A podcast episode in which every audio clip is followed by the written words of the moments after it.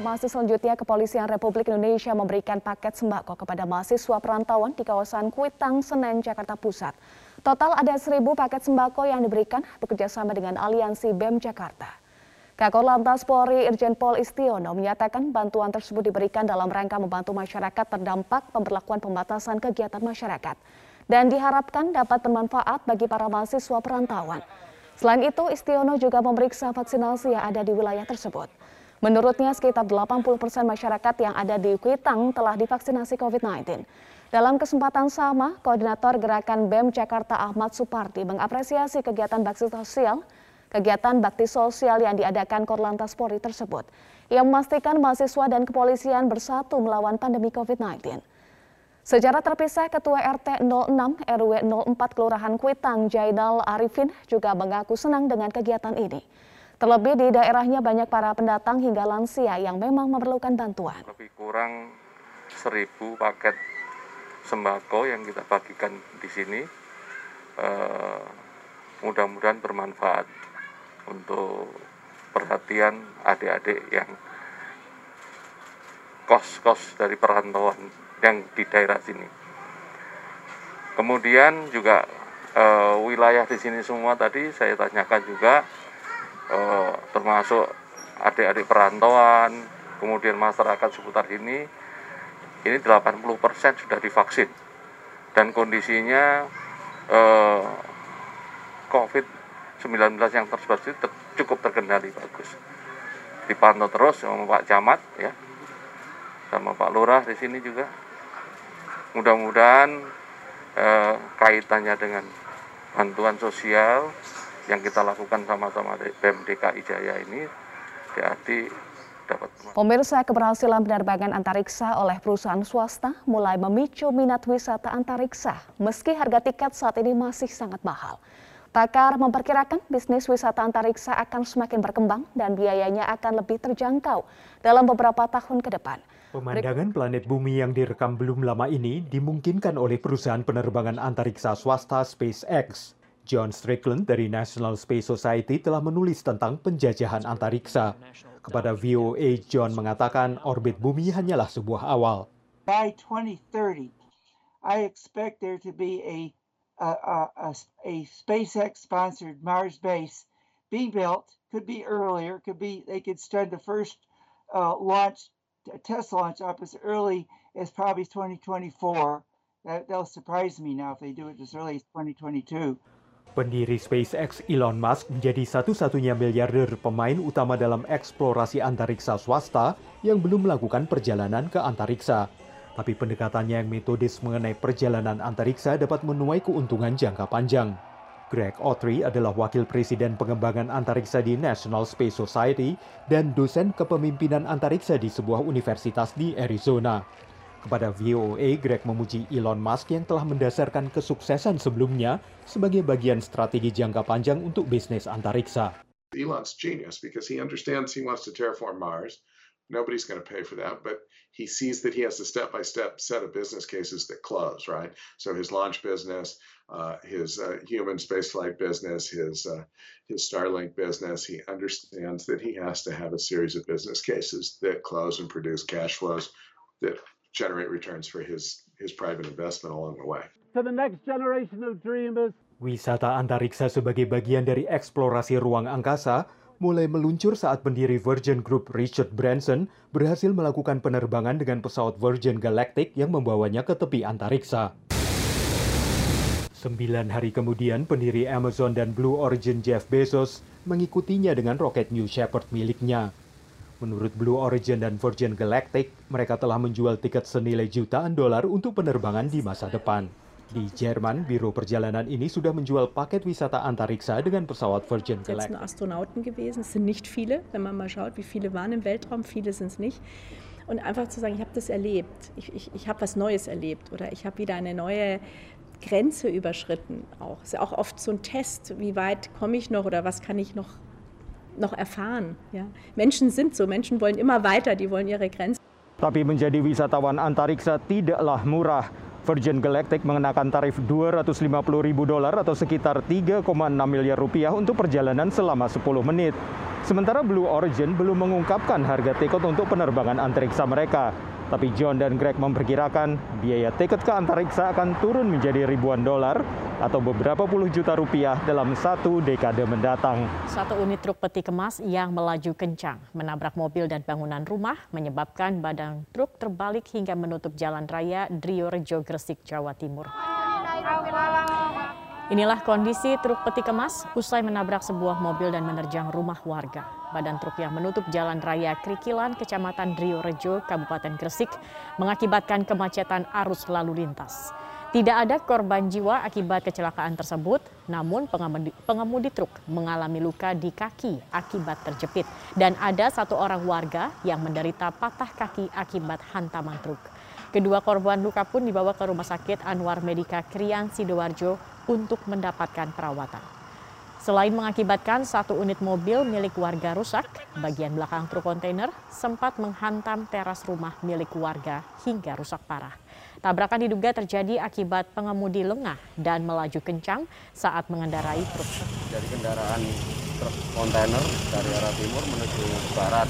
Di depannya ada kendaraan Honda Stream yang akan uh, masuk SPBU karena mungkin kurang uh, menjaga jarak akhirnya membentur bodi belakang kendaraan Honda Stream. Kemudian Honda Stream ke terdorong ke depan berputar balik arah uh, membentur kendaraan sepeda motor yang berjalan dari arah barat ke timur perlawanan.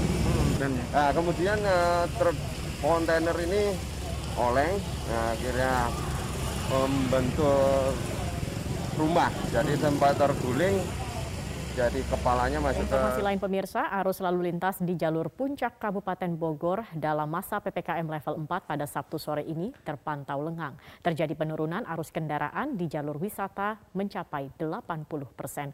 Untuk informasi selengkapnya kami langsung bergabung bersama dengan rekan Nisrina Kirana langsung dari Simpang Gadok Puncak Kabupaten Bogor, Jawa Barat. Nisrina, eh, dari pantauan Anda seperti apa situasi lalu lintas terkini di sana? Apakah ada penyekatan yang dilakukan? Pemirsa, oleh masih dalam masa pemberlakuan pembatasan kegiatan masyarakat atau PPKM level 4 dan untuk situasi lalu lintas terkini dari kawasan Sipagadok, Puncak, Kabupaten Bogor, Jawa Barat Sore hari ini terpantau ramai lancar di kedua arahnya, baik dari arah exit tol Ciawi menuju ke kawasan Puncak, begitupun dengan arah sebaliknya. Dan apabila kami memantau saat ini, masih cukup banyak kendaraan-kendaraan yang hendak memasuki ke kawasan Puncak meskipun uh, plat nomornya ini di luar dari plat Bogor yaitu uh, di luar dari plat F eh, terutama kami memantau cukup banyak kendaraan-kendaraan yang berasal dari kawasan DKI Jakarta berplat nomor B yang kemudian masuk ke kawasan Puncak. Memang di tengah pemberlakuan pembatasan kegiatan masyarakat level 4 saat ini, kita lihat sudah tidak ada lagi penjagaan yang dilakukan oleh petugas yang sebelumnya dilakukan penjagaan secara cukup ketat di salah satunya Simpang Gadok tempat kami melaporkan saat ini terkait dengan pemeriksaan mulai dari surat tanda registrasi pekerja, kemudian juga identitas diri ataupun terkait dengan surat negatif eh, COVID-19. Dan meskipun demikian, kita melihat untuk arus lalu lintasnya terpantau cukup lengang, tidak ada kepadatan yang berarti, hanya saja tadi ada kepadatan atau uh, sedikit tersendat kendaraannya menuju ke kawasan uh, Simpang Megamendung karena itu merupakan titik pertemuan. Namun uh, untuk di titik-titik rawan kepadatan lainnya seperti di Simpang Cisarua, kemudian di kawasan Kebun Teh dan rest area Masjid Atta Awin ini terpantau lengang. Selain itu untuk eh, tempat-tempat wisata yang ada di kawasan puncak hingga saat ini masih ditutup karena mengikuti aturan pemerintah selama pembatasan eh, PPKM level 4 ini untuk tempat-tempat wisata harus tutup seperti Taman Wisata Matahari ataupun Taman Safari sampai saat ini juga masih tutup. Namun untuk sejumlah tempat makan seperti restoran, ini sudah mulai dibuka untuk melayani take away atau e, bawa pulang karena memang sudah diizinkan oleh pemerintah untuk dibuka kembali secara bertahap. Dan terkait dengan area pusat jajanan ataupun pusat oleh-oleh di kawasan Puncak sendiri sampai saat ini memang masih terdapat pedagang yang buka namun cukup banyak juga pedagang yang memilih tutup lantaran kondisi wisatawan di kawasan Puncak ini sepi sehingga banyak pedagang memilih untuk menutup uh, kios dagangan. Iya, Nisrina apa kemudian alasannya tidak ada lagi penjagaan atau penyekatan di sana mengingat saat ini masih tengah PPKM level 4 dan kemudian apa langkah yang akan dilakukan jika terjadi kepadatan arus lalu lintas di sana? Ya, Zakia memang tidak ada alasan uh, yang spesifik diberikan oleh petugas terkait dengan tidak adanya penjagaan yang saat ini dilakukan di kawasan Puncak Bogor meskipun masih dalam pemberlakuan PPKM level 4. Bisa dilihat saat ini untuk pos penjagaan di kawasan Simpang Gadok, arus lalu lintasnya ramai lancar, kendaraan bebas melintas karena memang sudah tidak ada lagi penjagaan yang dilakukan oleh petugas. Sebelumnya beberapa waktu lalu petugas gabungan mulai dari pihak kepolisian, dinas perhubungan ataupun Satpol PP melakukan penjagaan secara ketat untuk memfilter atau uh, membatasi kendaraan-kendaraan dari luar daerah yang hendak menuju ke kawasan puncak. Nantinya untuk uh, melakukan langkah-langkah antisipasi apabila terjadi kepadatan lalu lintas, petugas akan memperlakukan sistem rekayasa lalu lintas one way atau satu arah agar dapat mengurai kepadatan yang terjadi. Namun meskipun demikian, hari ini merupakan hari Sabtu yang merupakan akhir pekan, namun pemberlakuan sistem one way ini tidak diberlakukan karena mengingat kondisi arus lalu lintas yang cenderung lengang. Dan dikatakan juga selama masa pemberlakuan PPKM darurat atau PPKM level 4 saat ini, arus kendaraan yang menuju ke kawasan puncak berkurang selama eh, sebanyak kurang lebih 80 persen. Meskipun saat ini sudah tidak ada lagi penjagaan dari pihak kepolisian, namun masyarakat diharapkan untuk tetap memiliki kesadaran diri, tetap berada di rumah saja karena esensi dari pemberlakuan PPKM level 4 adalah untuk menekan mobilitas masyarakat agar nantinya dapat kembali menekan angka penularan COVID-19. Pemirsa Ketua RT di Cimanggis, Depok yang memotong dana bansos tunai warga sebesar Rp200.000 akhirnya akhirnya angkat bicara. Ketua RT berdalih pemotongan dana tersebut untuk diberikan kepada warga yang tidak mendapatkan dana bantuan. Dana bantuan sosial dari pemerintah sudah seharusnya diterima utuh oleh keluarga penerima manfaat. Namun lagi-lagi pemotongan dana bansos yang diterima masyarakat oleh oknum ketua RT masih saja terjadi. Bahkan salah seorang warga di daerah Cimanggis, Depok, Jawa Barat mengaku diancam, dipersulit urusannya oleh oknum ketua RT jika menolak pemotongan dana BST.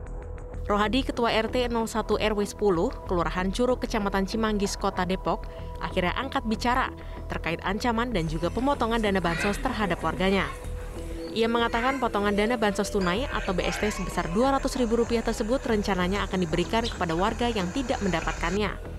Dari potongan BST, Rohadi berhasil mengumpulkan dana sebesar Rp2.800.000. Saya masih semparan itu, semparan undang-undang. Ntar itu ya, lokasi yang belum dapat kan gitu hmm. cuma emang waktu yang kemarin ini dah undangan belum ada itu selebaran pak bentuknya selebaran, berarti ya. bukan lisan oh ini selebaran undangan oh, pak oh undangan undangan ya, ya. yang kemarin juga nggak ada selip dia ada apa ada yang ngasih 100, ada yang ngasih 200, ada yang enggak. Kalaupun tidak, nggak masalah. Nggak jadi masalah. Itu. Menanggapi kasus pemotongan BST yang dilakukan pengurus RT, pihak kelurahan pun angkat bicara. Lurah Curug Bambang Eko mengecam sikap pengurus RT yang melakukan pemotongan dana bansos tunai warganya. Selain itu, Bambang menyebut kejadian pemotongan BST ini akibat tidak adanya koordinasi antara pihak kantor pos dengan pihak kelurahan terkait data warga yang berhak menerima dana bantuan sosial tersebut. Nah, saya baru tahu ini, makanya akan kita cross check dulu ya masalah ancaman-ancaman itu. Tapi sementara ini uh, ya tidak benar lah kalau namanya seorang ketua RT eh, mengancam apalagi apa ya karena dia juga sendiri dipercaya oleh warganya menjadi Ke depannya pihak Kelurahan Tapos berharap bagi warga yang mengalami pemotongan BST segera melapor dan berharap ke depannya pihak kantor pos dapat berkoordinasi dengan kelurahan dalam penyaluran dana bantuan sosial. Wali Kota Tangerang Arif Wismansyah mengambil tindakan tegas dengan memberhentikan Lurah Paninggilan Utara terkait aksi dugaan pungutan liar. Aksi dugaan pungutan liar yang dilakukan Oknum Lurah Paninggilan Utara, Tamrin, tidak dibenarkan dan membuat geram Wali Kota Tangerang Arif Wismansyah. Ditemui di sela-sela kunjungan kerja di kantor Kecamatan Larangan pada Jumat siang, Arief telah memerintahkan BKPSDM dan Inspektorat untuk menyelidiki dugaan pungli Lurah Paninggilan Utara tersebut. Menurutnya pungutan liar merupakan tindakan tidak terpuji Sehingga sesuai aturan kepegawaian untuk mempercepat proses penyelidikan, dirinya memberhentikan Tamrin dari jabatannya sebagai Lurah Paninggilan Utara. Sebelumnya Lurah Paninggilan Utara Tamrin meminta uang sejumlah Rp250.000 kepada warga dan viral di media sosial. Uang tersebut merupakan upah dari tanda tangan yang dilakukannya atas pengajuan surat ahli waris waris. Sudah saya suruh periksa inspektorat dari kemarin. Ya, jadi kemarin saya terima terus saya langsung inspektorat saya minta periksa. Tapi memang lurah itu Pak ya? Ya, nanti kan inspektorat yang yang lagi menginvestigasi. Gitu. Ah, kalau ancaman mungkin sanksi Ada sanksi kepegawaian yang bisa diberhentikan. Sampai